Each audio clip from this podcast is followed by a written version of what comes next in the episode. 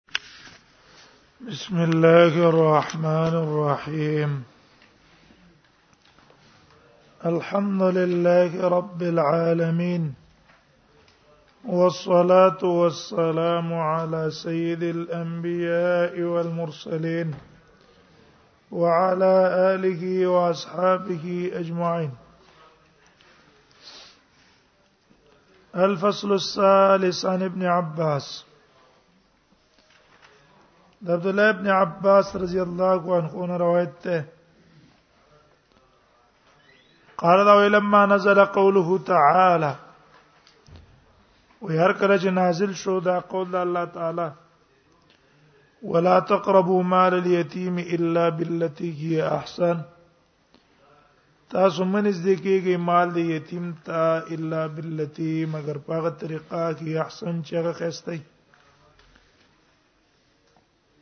انا په خه طریقه به یتیم مال خوره چې هغه مخکې تیر شو چې ته غریبي محتاج او ترا لګيږي دا خدمت کې تربيت کې او غي مزدوري اخلي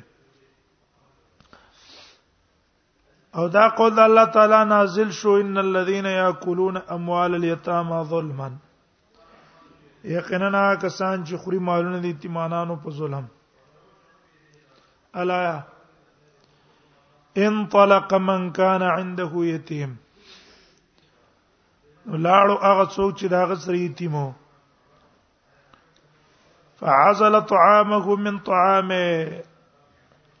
انطلق لاړو معنی شروع شو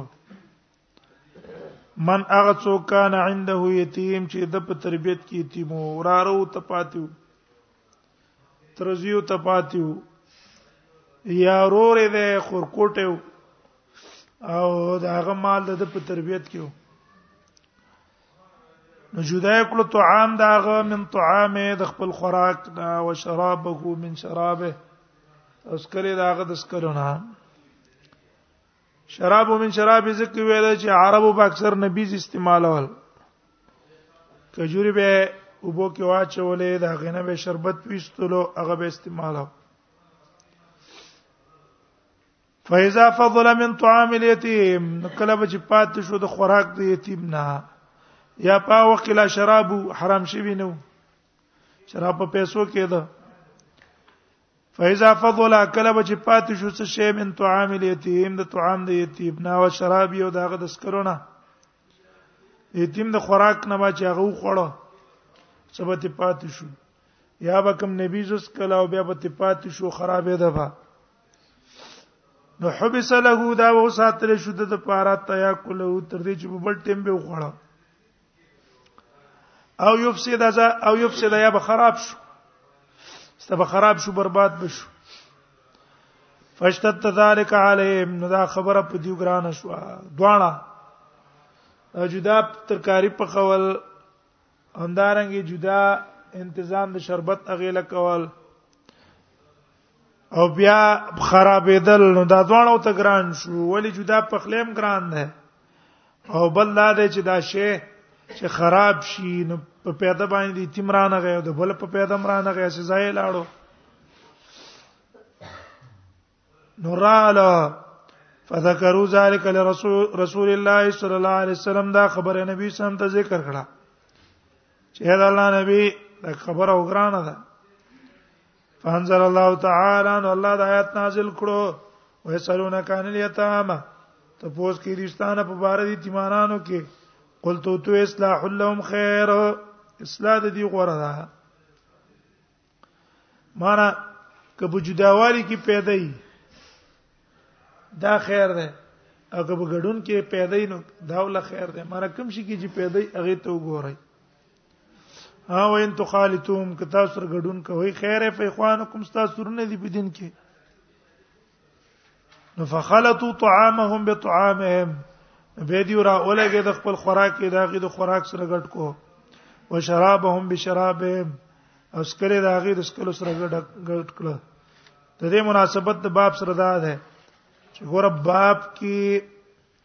هغه ویلو کنه حق المملوک او مونږ ویل چې را دا مملوک ملکیت عام ده که ملکیت حقیقتا نه او که حکمنی یتیم خو دا سړی حقیقتا مالک نه ده خو چې حکمن په منزله ده چا ده مالک ده اشاره شو دا چې یو سړی په تربيت کې یتیمه دا اصلاح ټول په کار دي چې کم کې پیدا یې غول ټول په کار دي وعن ابي موسى قال عن رسول الله صلى الله عليه وسلم من فرق بين بين الوالد وولده ابي موسى شرينا روایت ده قال دا وای وی رسول الله لعن رسول الله صلی الله عليه وسلم من فرقا لعنت کړی دی رسول الله صلی الله علیه وسلم پاغه چا فرقا چې جدای راولي په مابین د چا کې بین الوالد و ولده په ما بین د پلار او د بچی دا کې پلار په یو ځای ول خرج کو زی په بل ځای کې ول خرج کو یا مور ول په یو ځای خرج کړه بچی ول بل ځای کې خرج کو والد باندې ته شامل دی و بین الاخی و بین اخی او په ما بین ضرور کې او په ما بین ضرور داغه کې دوه ورونه غلامان دي تاسو را تراولګي ورور له په یو خرج کې بل له په بل ځکه خرج کې وعن عبد الله بن مسعود قال كان النبي صلى الله عليه وسلم اذا اوتي بالصبي ويو نبی صلی الله علیه وسلم چې کله براوړل شو هغه ته قید نه اعطى اهل البيت جميعا ور به کړه اهل البيت جميعا ټول کور والا ته اے ټول به یو کور ته ور کړه چې هغه کې به مور وا بچي به ټول به یو تن لور کې دا ستادي شي ولې کراهیته د وجه د بد غنل لا یفرق بینهم چې دای را وستل شي ما بین دی کې د دې په منځ کې باندې به سم جدای څه کوله دا خو خنه غنل بد به غنل ځکه به په هغه لور کا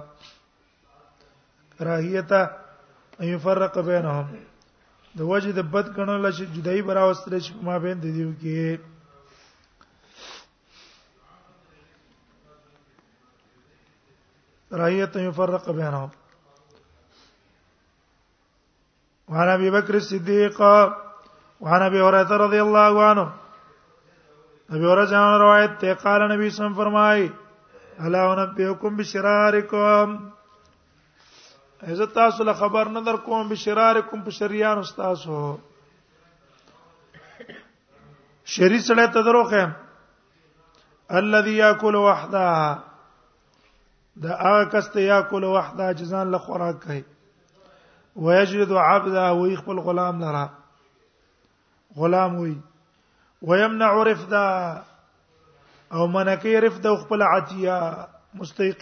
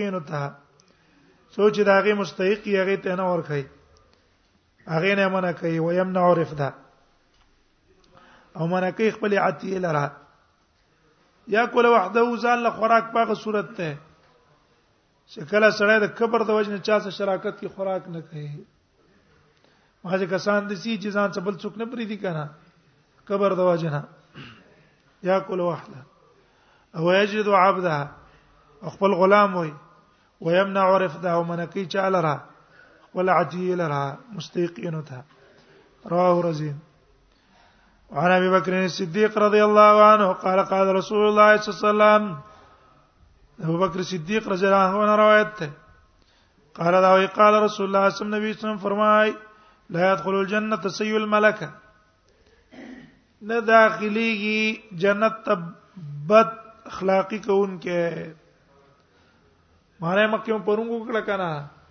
چې ما بد مالک دی خوشې مالک دی خپل بچو سره خپل خزې سره خپل مزدورانو سره خپل غلامانو سره بد رویه کوي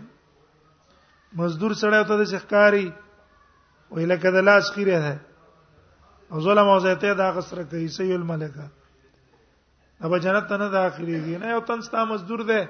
ته دا غسر خره ویو کا دکان دې ده په دکان دې ځان سم مزدور کینه ولا ده په دې دکان باندې ته ما خام له لز روپۍ په دې مزدور ګټه هغه د مزدوري چلای کنه لز روپۍ په دې مزدور ته ګټه دله دا خو مکه واجی 3000 4000 5000 روپۍ تنخواه د میاشتې ورکې دي حالات ته خو ګوره کنه راوله کې دلم کې خط تنخواه ورکا 1500 روپۍ ورځ دله به کې ورکا کنه چې 1500 ته واله خه مزدوري دی وکړله نن د خګه کوش پته تو لګی چې ډیره ګټه مې کړې ده پیسې تر حواله مزدور له دقه سی ورکړي چې دا ستا شو مړه کور له پیڅ واخلې زما خام له کور له پورو ټړما ستا کوم خزه ده ستام بچی دي تا تم پته ما ده دا حواله ته مې مزدور څخه اخلاق څول پکار دي دا نه چې را بس مزدور استعمالوا معمولی تنخواه ولا ورکوا سیو الملکه بد اخلاق سره به جنت ته نه داخلي د دې وجنه اکثر کسان ظالمان دي بل په خلو باندې څه کوي هغه نه خلی وباسي ځان په ساتي نه اخلاق خلکو سره چلو قالوا یا رسول الله اشتا بعض انسانان د قصید چې هغه مزدورانو سره ډیر تبرع احسان کوي سکی تبرع احسان وسکی خپل مزدور خصاتی او په کارم دار چې تاسو په دکان کې مزدور دی خي او ساته زکات در باندې کی هغه زکات مستحق غلې اول ورکه ذالک تما سره چې ته خوشاله ورستو نور ته ځه دا نه چې مزدور دی دولګ نه امریکای یاله 50 روپے نه ورکه انور جنو کې څه کې انور جنو کې زکات نه ورکه نه دا مزدور لې ورکه صحیح الملکه د اخلاق سره به الله بد معاملې کوونکې د خپل مملوک سره هغه به جنت ته نه داخلي قالو یا رسول الله دی ویل د الله پیغمبره الیس اخبرتنا ولتا مونږ ته نه دی ویلي چې ان هاذ الامه اکثر الامم مملوکین چې دا امت دا بزیاتی په تمام امتونو کې په اعتبار د غلامانو نور امتونو کې بدونه غلامان نو که په دې امت کې چې څونه غلامانی وجدار چې په دې کې وجهادي او په جهاد کې بچ راځي د انځه غلامان به راځي ویتاما او اکثر به په تمام امتونو کې په اعتبار د ایتمانانو دا مونږ ته نه ویلي قال نعم وی ویل او اکرموهم ک کرامت اولادکم تاسو عزت کې دا غيو کې کرامت اولادکم په شان ته د عزت د خپل بچو اې د یتیمه ازا غلام د ساتل کې د زوی په شان زوی باندې خپکیږي کنه تقه سي د باندې خپکیږي سخت کار په ما چوا رټه مو تکلیف ته مرسه واتعموه مما تاكلون او خوراک ورکوي دا غنه چې تاسو خورئ قالو دی بی ویل فما تنفعنا الدنيا وس شی به مونږ تراکې د دنیا نه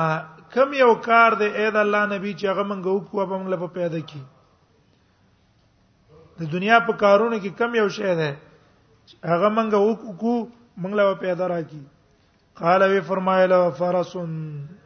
تربطه اس ته تربتو جته تړې تو قاتل علی فی سبیل الله پاغه باندې جنگ کې د الله په لار کې ومملوک غلام ده یکفی کې چې داستانه څه کیږي استانه کاپی کیږي مملوک یکفیک فاذا صلى فهو اخوك کله چې مونږ کو به دا څوک ده او خو کبه ورستا رور ده اذا صلى هو اخوك چې مونږ کو به دا ستاب رور کې صاحب دی رواب نه ماجه باب بلوغ الصغير وحزانته في الصغر باب بیان د بلوغ د معشوم کې وحزانته في الصغر او داغه د تربيت پر کوټي والي کې اوس دا مسله ذکر کړي چې سړی را اولګي دو خزه طلاق کړه اوس به د دې بچو تربيت څوک کوي وخت ور کوټیواله کې هم بلوغ ته چور چې دا بیا خپل مرزي خاوند دی مور حق به مدا کوي او د پلار به مدا کوي لیکن کوټیواله کې ود چای په دې باب کې مصنف رحم الله شپږ احادیث راوړي او رجه دا درې مسائل ته اوله مسله به ذکر کی مدته البلوغ بالسن په څونه کلونو کې وسړې بالغ حسابيږي چې څو کال ته ورسیږي موږ په حکم د بالغ کوو یو دا مسله بیان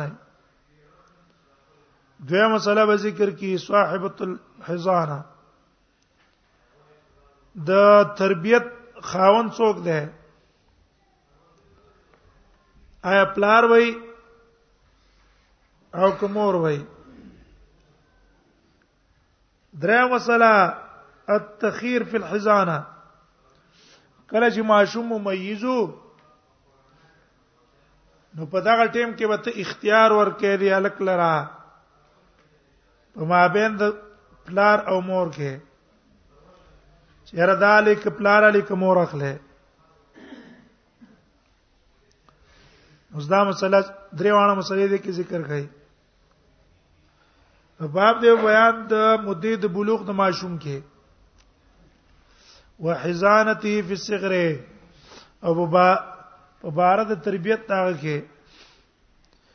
حزانه د حزن نه ماخوذ ده حزن اصل کې ویل کیږي تخرق نواله تر تشي پورې دی زیاته دارنګي سینا او دا مټه دې ټول ته حزانه وای د دې ته حزانه زکه وای دي تربيت ته چورکوټه ماشومي خلک د قصې غي کې راخلي لاس کې نيسي سینې سه نيسي تشي باندې کوي زکه ته حزانه وای الفصل الاول عن ابن عمر قال عرست على رسول الله صلى الله عليه وسلم عام احد عبد الله ابن عمر روایت ده دیو زه پیش کړی شوم په نبی صلی الله علیه وسلم باندې په کال د احد کال د احد باندې پیش کړی شوم وانا ابن 14 سنه زه د سوار رسو کالو ما سوار رسو کالو ما ورستو معنا دا ده چې رسول الله صلی الله علیه وسلم کله jihad تتلو نو مدینه نه بچ بار اوتلو الته به کسان کته چې څوک به لایق و د جنگ جنگ لبه بوتله اجه څوک به لایق ته جنگ نو به ته واپس کړه ورستو دا معنا ده وی نبی سلام چې کله حتت لو زمو تور وړاندې کړې شو ما دام jihad لذي د څوار لسو کالو ما وی فرد دنیزي واپس کړم دا ماشوم ده ثم عرضت علی عام الخندق به ز پیش کړ شم په د باندې په کال د خندق خندق زاله چتلو زو ته پیش کړی شو ما وانا ابن 15 سنه او زه د 15 کالو ما اجازنی ما ته اجازه راکړه ما ته څوکړه اجازه راکړه فقال عمر ابن عبد العزيز عمر ابن عبد العزيز يقول هذا فرق ما بين المقاتله والذريه دا فرق دی په مابین د چا کې جنگ کوون کې او د اولادو کې مرکه یو سره غیره پنځل لسو کالو شو نو دا بالغ دی جنگ لتلی شي او چې د پنځل لسو کالو نو دا ماشوم دی جنگ نه نشي تللی بدل ته مصنف ته څه پار راوړو مصنف ته دې پار راوړو چې ګوره د بلوغ د ماشوم د بلوغ د پاره درې صورت دی یو صورت احتلام ده شیطان په غسل واړی چې غسل په واړی دو دا دلیل ده د بلوغ دویم صورت احبال له د ماشوم خزه کړي او ددن استخزه حامله شوه جماع د ودینه دا دلیل دی په دې چې رضا بالغ ده او دریم صورت دریم صورت هغه د عمر ده کدا یوم نو یوم نو نو 15 کاله په دې حدیث کې ذکر شو اتل 15 کاله خدا احناف نه یو قول د اتل کاله نقل نه دیوژن پاکستان کې حنفي مذهب چلیږي شناختی کارت چې کوم شوم له جوړي زیاتل له سکالو ته اورسیږي به شناختی کارت ولا جوړي هغه نه مخکې بچ کی حساب وي ماشومان کې صاحب لیکن د شوافی او د جمهور علما په نسبت باندې 15 کال ده او هر چې جنې ده د جنې د پاره یو صورت ته د حیض حیض چې کله راغې دویم صورت ته د احتلام دریم صورت ته د احبال چې دا واده شوه دا واده کېدونه بعد استحامله شو او څلورم سورته عمر ده سو عشر سنه د احناف په مذهب او د صاحبانو په نس پنځل لس کاله دا د جمهور علما قولم ده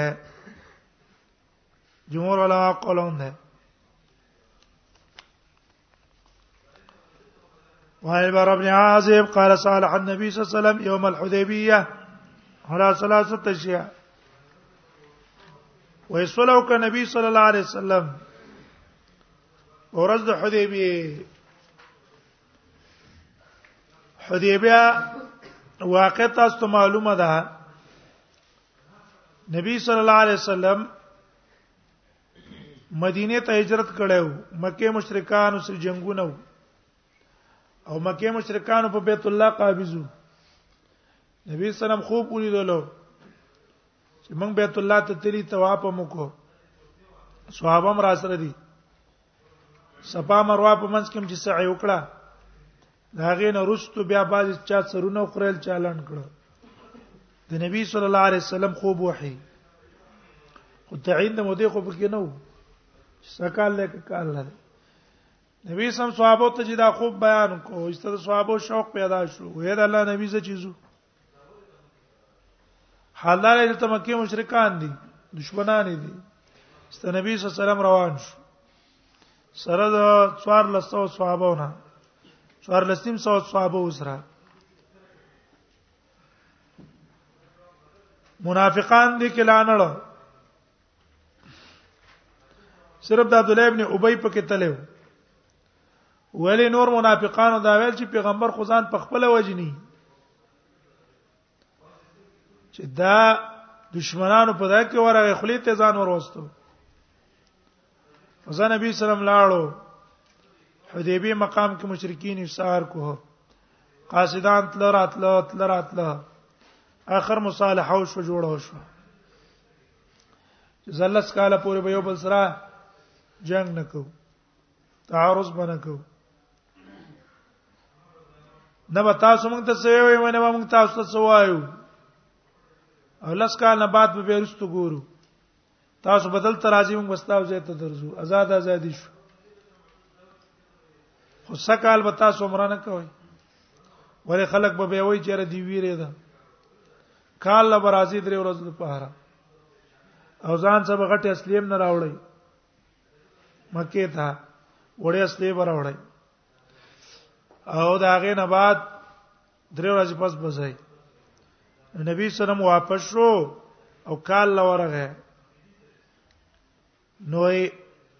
یوم الحدیبیه لا ثلاثه اشیاء سلام کا نبی صلی الله علیه وسلم پورز د حدیبی پدری شینو یو ان اتاه من اتاه من المشرکین څوک چې راغې نبی سلام ته د مشرکانو نه رده الیهم نبی سلام به دا کس مونږ ته واپس کړي ازمن څوک چې درغه تاسو ته مدینه ته مونږ ته به را واپس کوي ومن اتاهم من المسلمین او څوک چې راغې دي مشرکانو ته د مسلمانانو نه اے مسلمانانو څوک مرتد شو مونږ ته راغې زمون دین کې راغی یا د مکې نه مدینه نه به ته مکې ته راځي پاتې کېدل په مکه کې غواړي لم يردوه دا مشرکان به داغه ته واپس کوي نه موږ به نن در واپس کو یو دا دویم دا يدخل من قابل چې نوځي باغ ته مکه ته من قابل کا الله کله برازي او یقیم بیا ثلاثه ایام درې ورځې په پاتې کیږي فلما دخلها ومزل اجل کله چې دی ورنه وتلو نبی سلام هغه مکی ته کالا ومزل اجل هغه نیټه تیر شو د درې ورځو خرج نبی سلام وروته فتبعت ابنه حمزه ورپسې شو لور د حمزه حمزه لور په مکه کې پاتې شوی و د حمزه نور بچی نو تنادي आवाज کو یا عم یا عم یا کاکا یا کاکا منظم د سم مدینه ته زما فتناولها علی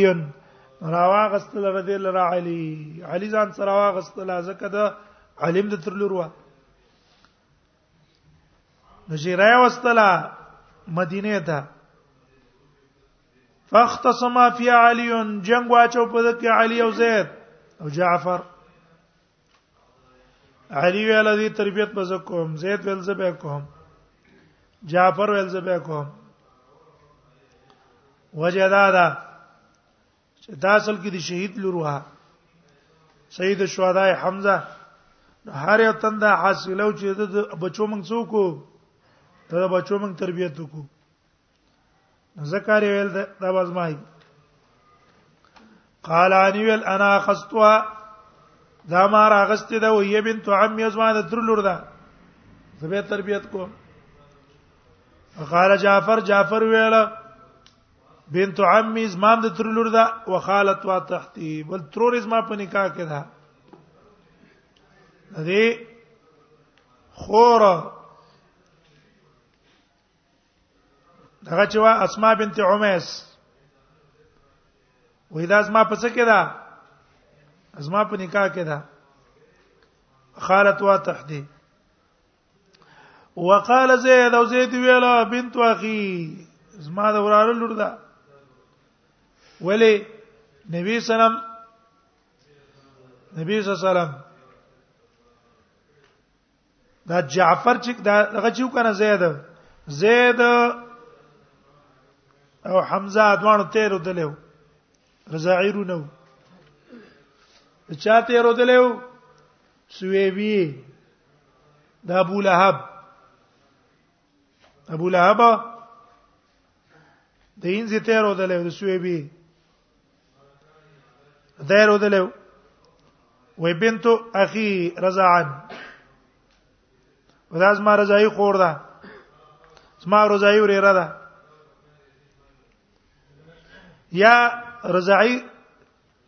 رضاعی ده او یا چا ویلی چې نه بنت اخی دغه مواخات مراد ده مواخات چې نبی صلی الله علیه وسلم زما او د حمزه په منځ کې څه کړي مواخات کړي ده نو دیو جنا زه پیدا کوم فقضا بها النبي صلی الله علیه وسلم لقالتها نو نبی صلی الله علیه وسلم فیصله وکړه په دې باندې د خالت یاد پاره د ترور سجاپر لور کړه وی ویل چې تی واخله زکه چې د دې د مور خور ستا په نکاح کې ده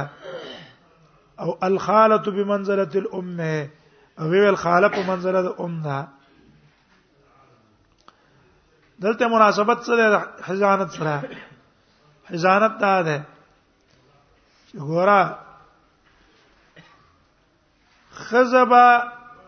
د ماشوم په تربيت باندې اولای او کدا مور مړ شو او د مور ورسه دا او کړ د تربيت نو به چاله ور کول شي ترور لا وقال علي علي تی ویلا انت مني وانا منك هغه خوشاله کو تزبانه زستانه ته ته زمانه زستانه اداغه فضیلت بیان کو انت مني وانا منك دا بریلین نه دی شیعگان او بریلین دا دوه ورونه دي کنه دا حدیث په شوق باندې بیان دی علی انت مني آپ مجھ سے او میں آپ سے اوس دا ټول جذبه کې راشي هغه علي سید کنه د رسول الله ترزوی ده وان تمنی وانا من خو دلیل ده دینه شو چې اوس دمنګ هغه تاسو وایو چې غدي تو وایو وازونه ته شروع کو وانا منک وقال جعفر جعفر تی ویلا شکر استل پکار دی چې الله موږ ته عقیده را نصیب کړی دا دغه شیاګانو یا دغه بریلانو دنیا کې هم بس ذلت باندې واخته وي او آخرت خو به برباد برباد وي په دې عقیده موږ له الله پاک مرګ را وستو د قران او سنت مطابق عقیده خدای او کوم الله جنت ته بوزي پاک عقیده ده الله او رسول ته خلق را بللی الله توحید باندې غیرت کولی الله پاکم غیرت والا ذات ته او به وي تاسو ما په توحید غیرت کړی بس مې بخلای دا شکر استل پکار دی او دا هم شکر استل پکار دی چې الله خو مدرسو کې مونږ کېنه ولو دیو جن استادان دا به سړی سپک نه کړنی او دا استادانو حق چې کم نه کړنه د مور خپل رم زیات ته امام احمد وای وې د څه وخت ما مون نه ده کړی او نه د څه ټیم شته چې ما دعا کړی امام شافعي ته په کې دعا نه کړی امام شافعي ته په کې ما دعا کوله زکه چې داغه د وجنه الله زدي سترا واستلم صحیح تربيت وکي کنه اوس غناولي استاد سکه نه سي غلط تربيت پدې وکي عقیده هم د لګړه وړه کی نظر هم د لګړه وړه کی د الله او رسول په دشمنی باندې اخته کی او ګمان باندې دای چې رزه څه کوما زګین دین کوما او چې مړ شي وبداله من الله ما لم يكونوا يحتسبون او چې سي مدرسو کې کې ناشتي سي استادانو سره کې ناشته چې الله او رسول پاک خبره ده تکي نو عقیدان ته سي در نصیب کړه زړه کې دې سړی خوشحالي او سکوني دیو جن موږ تاسو شکر ادا کول پکار دي چې دې مدارسو کې حق حق مدارس دي حق پرستو او په دې کې موږ تربیتونه حاصل کسي نظریه وکړه دیو جن دا مدارس په ګور سپکم نه غنو دی وخت کې دا یو ذریعہ بس پاتې ده یو ذریعہ پورا د اسلام چې هغه صرف مدارس اوس پاتې دي دا دعوت او مدارس چې دې کې د انسان څه کیږي دې کې تربيت کیږي ولی یو مدرسه کې طالب عقیده زده کړه کنه کده ارڅونه طالب سره چې ارڅونه فاسق شي ارڅونه فاجر شي ارڅونه بدمل شي خو بل مازه نه ته نه بیل مازه نه سید په جامه بیان کوي په مونږ با کوي بیل مازه بنای دا یو کمال دی د مدارسو کرا چې ارڅونه پکې بدعمل شوي کرا خو بیل مازه بنای چې نوم د په پروتي او طالبي لګه کړي رښتیا هغه بیل مازه بیان نه او د نورو لندونو کې لک ساتي به چې شرط نه به په سلاس وینځي دیو جن مدارس په څنګه کو سپک باندې غنو بد باندې غنو الحمدلله دا دې پورې خبره شو چې ګوره شیګان او دا بریلان دا څونه تکلفات کوي دا مریدان دي پیران ته په سرونو ور پریوزي عزتونه ولا برباد کړو عزتونه حیات واغسته عزت ولا واغستو او دې په خپل ځان باندې پویږي نه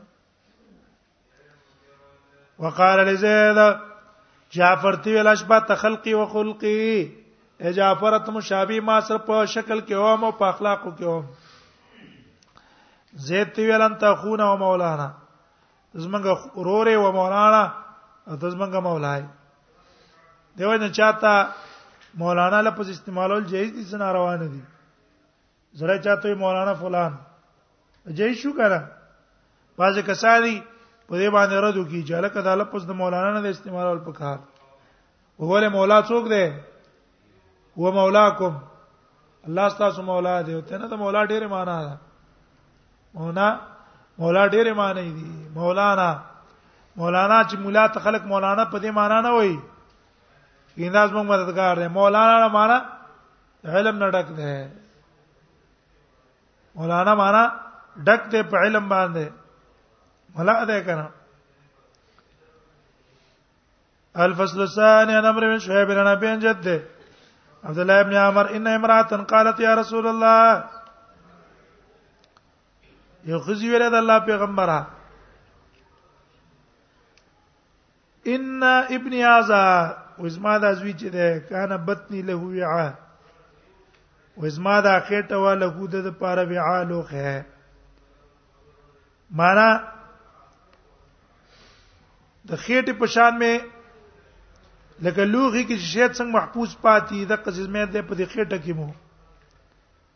تر دې چې پورا شو به الله بار تراويستو بیا دا غین رستو وتدی له ثقه او زما دا سینه چې ولا هدر پار ثقه مشکو په حالت درزعات کې هغه په مشکو وب ساتلی کنه دغه څه په دې سینه کې بدل په ساتلې شي وو دا به ساتلی وو وحجر له حوا او زما غیږ چې وا له د د د پاره حوا دا زید حفاظت او حوا څه ته وایي یو شعر یو ځای کول دا غي حفاظت کول وان اباه طلقني او دا د پلار ز طلاق کما و اراد او اراده دا اينزعه مني جدا ما شو هم زمانه والي وقال رسول الله صلى الله عليه وسلم ویلا انت حق به تړیر حقدار په دې ماشوم مالم تنکحي په دې شرط چې تا نکاح نه کړی ظاهر د حدیث نه معلوم شو چې زړه را اولګي د خزه طلاق کړه او ماشوم بلوغ ته لانه نه رسیدل ہے نو د دې ماشوم حضانت او تربیت په څوک کوي مور به کوي که وادي نو کړي په اتفاق باندې دې حق ده لیکن کله بل خاون سي واده وکړو آیا د دې ماشومانو حزانت اوس کولای شي کنه دا اختلافي مسله ده د جمهور علما او مذهب دا ده کدی خزي د بل خاون سره واده وکړو دا غي نه رستو بیا د دې حق نشته تنشتا بیا نشتا د وجه دی حدیث نه انت حق به ما لم تنکح ته ډیر حقدار دی په تربیت باندې په دې شرط چې تا نکاح نه کړي دویما قول د عثمان رضی الله عنه د حسن بصری او د ابن حزم هغه وې د دې مور د پاره بیا هم حق د حزانت شته بیا به حق د حزانتي اگر کې نکاح کړي هغه استدلال نه ولای یو په حدیث د ام سلمہ چې تزوجت بالنبي صلی الله علیه وسلم وتزوجني النبي صلی الله علیه وسلم نبی صلی الله علیه وسلم ما سواده کړو او کان معها اولادها او ګوره د ام سلمې سره بچیو نو که چرته نکاح سره حزانت حق ځای کېدل نبی صلی الله علیه وسلم با او ته ویلې چې شابه دا بچی دی اوس د خاون وسلام الله ورکا په دې استدلال کړه نو دې نه بیا جمهور جواب کړه چې دلته خبره په صورت د نزاع کې ده حق به ال ساقطيږي چې کله اولیاء د معشوم او غپلار یا د پلار اولیاء هغه را اولګيږي هغه وای چې نه اوس بیا تنه د قیزه کته د بل خاون سره نکاح وکړو اوس منګه لکان خرابيږي یا اوس منګه بچی خرابيږي نو که نزاع صورت کې شو نو به حق د حزانت د مور نشته او کنا غي سره نزاع او جګړه نه کوله بیا پاک کې په صورت کې څه ده حزانت نه ساقط کولای شي کولای شي لکه مثلا نبی صلی الله علیه وسلم په دې تربيت باندې هیڅوک ناراضه نه و فهم استدلال کړه په دې مخ کې حدیث باندې چې ګوره نبی صلی الله علیه وسلم دا حمزه لور چاله ور کړه جعفر لا سره دا غینه چې جعفر خزا واده وکنه چې ویل الخالتو بمنزله الام چې ترور وادي دا غي حق اسقاط نه کیږي نو مور خو په طریقې ولانه ده په کار دا غي جواب دا ده هغه خاله ده خاله کې دا مسله نه ده خاله وادي او کې غیر وادي پای صورت کې غیله حق د حزانت شته لیکن په صورت د مور کې خبره د مالم تنکیحي د وجنه را احمد ابو داود وانا ابي هريره رضي الله عنه ان رسول الله صلى الله عليه وسلم خير غلاما بين ابي وامه ونبي صلى الله عليه وسلم اختيار ورکړلو یو الک ته په مابین د پلار داغه کې او د مور داغه کې خیر غلامه الک له اختیار ور کړی دی ګوردا اختیار به کله ور کیږي کله چې معشوم ممیزي خو د بدمنس کی تمیز کولای شي نو په دغه ټیم کې تول اختیار ور کولای شي خو په دې اختیار کې د علما اختلاف ده یو مذهب ته امام احمد امام احمد وی چې کله معشوم وو کال ته ورسېدو او معتوه نو معتوه دله به اختیار ورکی په مابین د مور او پلار کې او دا فیصله خلفا اربعوم کړي دا فیصله په خلفام کړي دا د ابو هريره فیصله هم ده د وجه دی حدیث نه ګور رسول الله صلی الله علیه وسلم د الک منځ کې اختیار کړه او لاندې روایت د وجه نه اعلان دی روایت دی وجنا جاءت امراه الى رسول الله صلى الله عليه وسلم فقالت ان زوجي يريد نبی صلی الله علیه وسلم هذا امك هذه امك وهذا ابوك دریم استدلال یې ولې ده په حدیث د عماره الجرمی حدیث د عماره الجرمی هغه وايي اخبرني علي بن ابي طالب نخيرني علي بن ابي طالب بين عمي وامي وی علي ابن ابي طالب مال اختیار را کو ما بین د پلار د زما د ترو د مور منځ کې وکنت ابن 70 او 8 سنین زه د وو یاد اتو کالو ما روایت امام شافعی راوړل او کله چې جنید وو کال شو بیا به اختیار نه وي پلار لوي ورکه او یاداله چې د وو کال نرستو هغه محتاج د حفاظت ته بل محتاج د ورکولو ته او مطالبه خلک د چانه کوي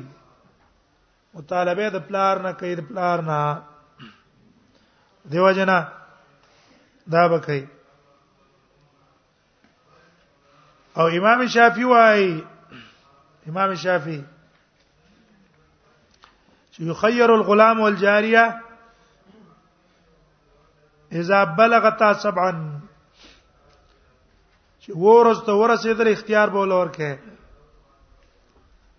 که عاقل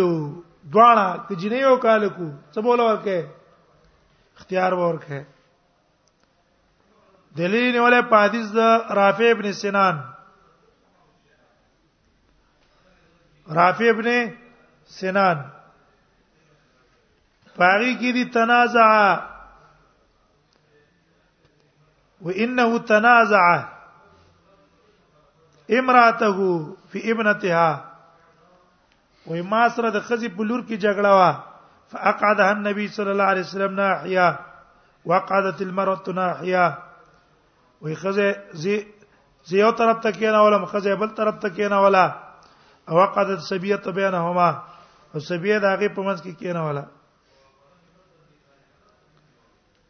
امام مالک وای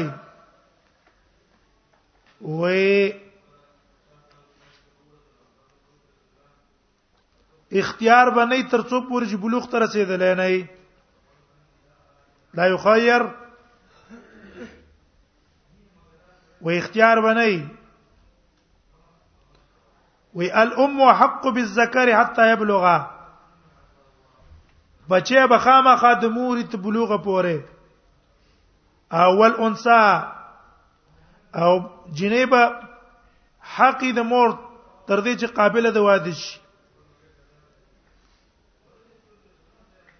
او امام ابو حنیفه وايي چې نه دام د امام مالک برنګ دی خدای وی چې نه مور به مستحقې تر کوم وخت پورې حتا یستغنی عن د مور نه استغنا راشي او استغنا څنګه ده بان یاکل و یشرب و یستنجیا چې خراس کاک او استنجا په خپل کول شي مرته ضرورت نه حاصل دا شو چې امام مالک او امام بونی په پنځ باندې سنشتہ اختیار نشته د امام شافعي امام احمد په نسبانه اختیار ده خو امام احمد وی اختیار په کوم صورت کې ده صرف د الک او د جنې کې نشته امام شافعي په دوانو کې وایي عام علماء اختیار ویلې ده لیکن ابن تیمیه رحم الله په دې اختیار کې یو خبره کړې هغه قوي خبره ده هغه دا چې اختیار باندې الک لور کېدل شي یا دی جنې له ور کېدل شي په هغه صورت کې چې مور او پلار دواړه د په مصلحت کې څه کې مور او پلار دواړه د مصلحت قابلې او که چرتا یوې مصلحت ته پکې بلکې مصلحت نشتا نو په دې صورت کې به اختیار نه وي مصلحت والا به ورکه مثال دا دی وای دته یو دغه را واستل شو و یو دغه سلانجه وا د پلار او د خزه خزه سړی را لګیدل او خزه طلاق کړي وا خدا مور بچي راټینګ کړو تعلیم ته اسې به نه پرې قصته تعلیم به پکاو سار کې په درس کو ماس په خیم نه به رستو ټیشن ته کې نه ما قستن به په نظر ساتو لوب مو و آزادې ته نه پرې قصته خپلار له وبالی سره پروا نه کول آزاد پرې قصته نو چې کله د په منځ کې کېناو استدالک پلار طرف ته لاړو د خزی ویاله چې تاسو اختیار خو غل ورکوي خو د الک نه ته پوسو کې چې تا پلار ولې خورا کو مور دی ولې پرې خوستا الک تی ویل چې تا ولې پلار خورا کو مور دی ولې پرې خوستا وی پلار راته څنو یا آزاد می پری دی تعلیم معلم را باندې نه کوي تنګي منو او د مور سبق تر وخت نیولای و نو دیو جن دا پر قستلو بس زری فیصله وکړه چې هغه نه واغستو به ته د مور لور کو او وی ویل چې یاره مصلحت کې به اختیار به ورکو خو ته به ګورو مصلحت ته به ګورو دا ابن تیمیه رحم الله خپل یو استنباط ته دې سره او ان شاء الله خبره صدا خبره پیدا نه کړه چې کم دي ته وګوره مصلحت ته وګوره چې په کوم شي کې مصلحت دی اق طرف ته ميلان لکه وعن ابي هريره وعنه هم د ابو هريره ځان روایت ده قال دا جاءت امراه الى رسول الله صلى الله عليه وسلم هراله وخذ نبی صلی الله علیه وسلم ته فقالت نبی صلی الله علیه وسلم دی ویل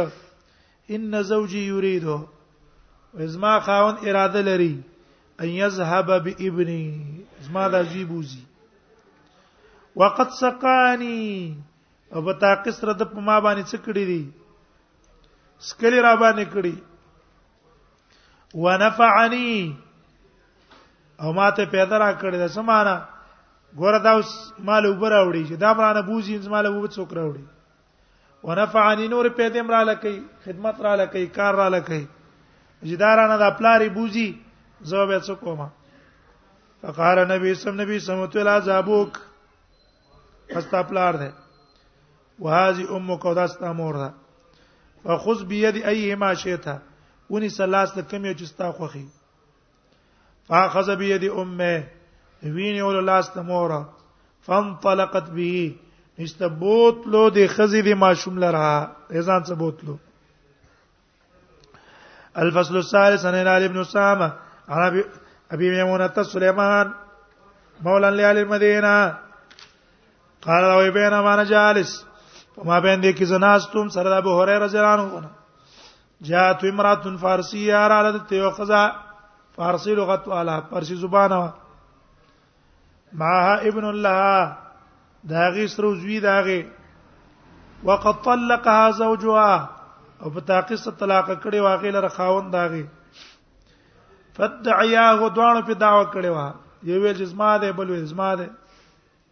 زبې بوزم بل ول زبې بوزم دیوانه طلاق نه غړي مسلې پیدا کیږي کنه سګيږي ډېر مسائل ته پیدا کیږي نفدعیاه داوا کوي د دواړو د دې فرتنت له فرتنت له نو په پارسي کې خبره وکړه ابو هريره تا رتنت له من ابو هريره ځانغه ته په پارسي کې خبره وکړه فرتنت له نو خبره وکړه هغه ته په پارسي تقول تو ویل یا ابو هريره زوجي يريد ان يذهب بابني وې زما خاوند اراده لري ان يذهب بابني چې بوزي زما زوی مرز ما د زوی اراده لري چې زما زما نه د زوی واخلي يريد ان يذهب بابني فقال ابو هريره استهم عليه وتاسو ویل ابو هريره استهم عليه تاسو دوه په دې باندې خڅنه واچوي به وکي خڅنه واچوي په دې رتن لها بذالک رتن لها بذالک په پارسی کې خبرې وکړې هغه ته بذالک د قصې هغه ته پارسی کې خبرې وکړې اجازه او جوانو په دې کې راغې خاوند هغه وقال وی فرمایل ما یحاقن فی ابنه څوک د چې ما سره به جګړو کې فی ابن زما پزوی کې ما پزوی کې ما سره څوک جګړه کوي قال ابو هريره ابو هريره ویل اللهم اني لا اقول هذا اللهم داسې کلمه استعمال کړه شانت د والله اللهم یا الله انی لا اقول هذا زګوره دا خبر ځان نه کومه ته چې ویره ما څه څوک جګړه کوي دا خبر ځان نه کوم انی کو الا انی كنت قاعدا مگر زناستو مد نبی صلی الله علیه وسلم سره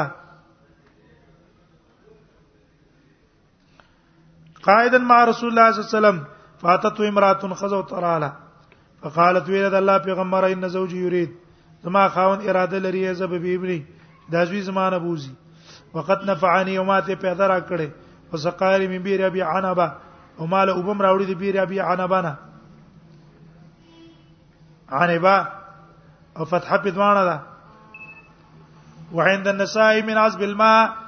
او نسائی پر روایت کې دي من عذب الماء په ما باندې خوږي وبس کی من عذب الماء خوږي وبل راوړي فقال رسول الله صلی الله علیه وسلم فرمایله استهم علی تاسو په خڅنه واچوي فقال زوجها نو خاوند دی ویلا مې حقنی فی ولده څوک دې چې ما سبا جګړو کې زما په بچی کې ما په بچی کې ما سره څوک جګړه کوي قال رسول الله صلی الله علیه وسلم ویل هاذا ابو کدا است پلار ده وهذه ام کدا است امور ده فخذ بيد ايهما شئت وني سلاس ته کوم یو چې ستا خوخی کوم یو تنزان څه بوزي بس بوزا اخذ بيد امه نو دې اونیو لاس ته مور رواه ابو داود والنسائي لكنه ذكر المسند ورواه الدارمي هلال ابن اسامه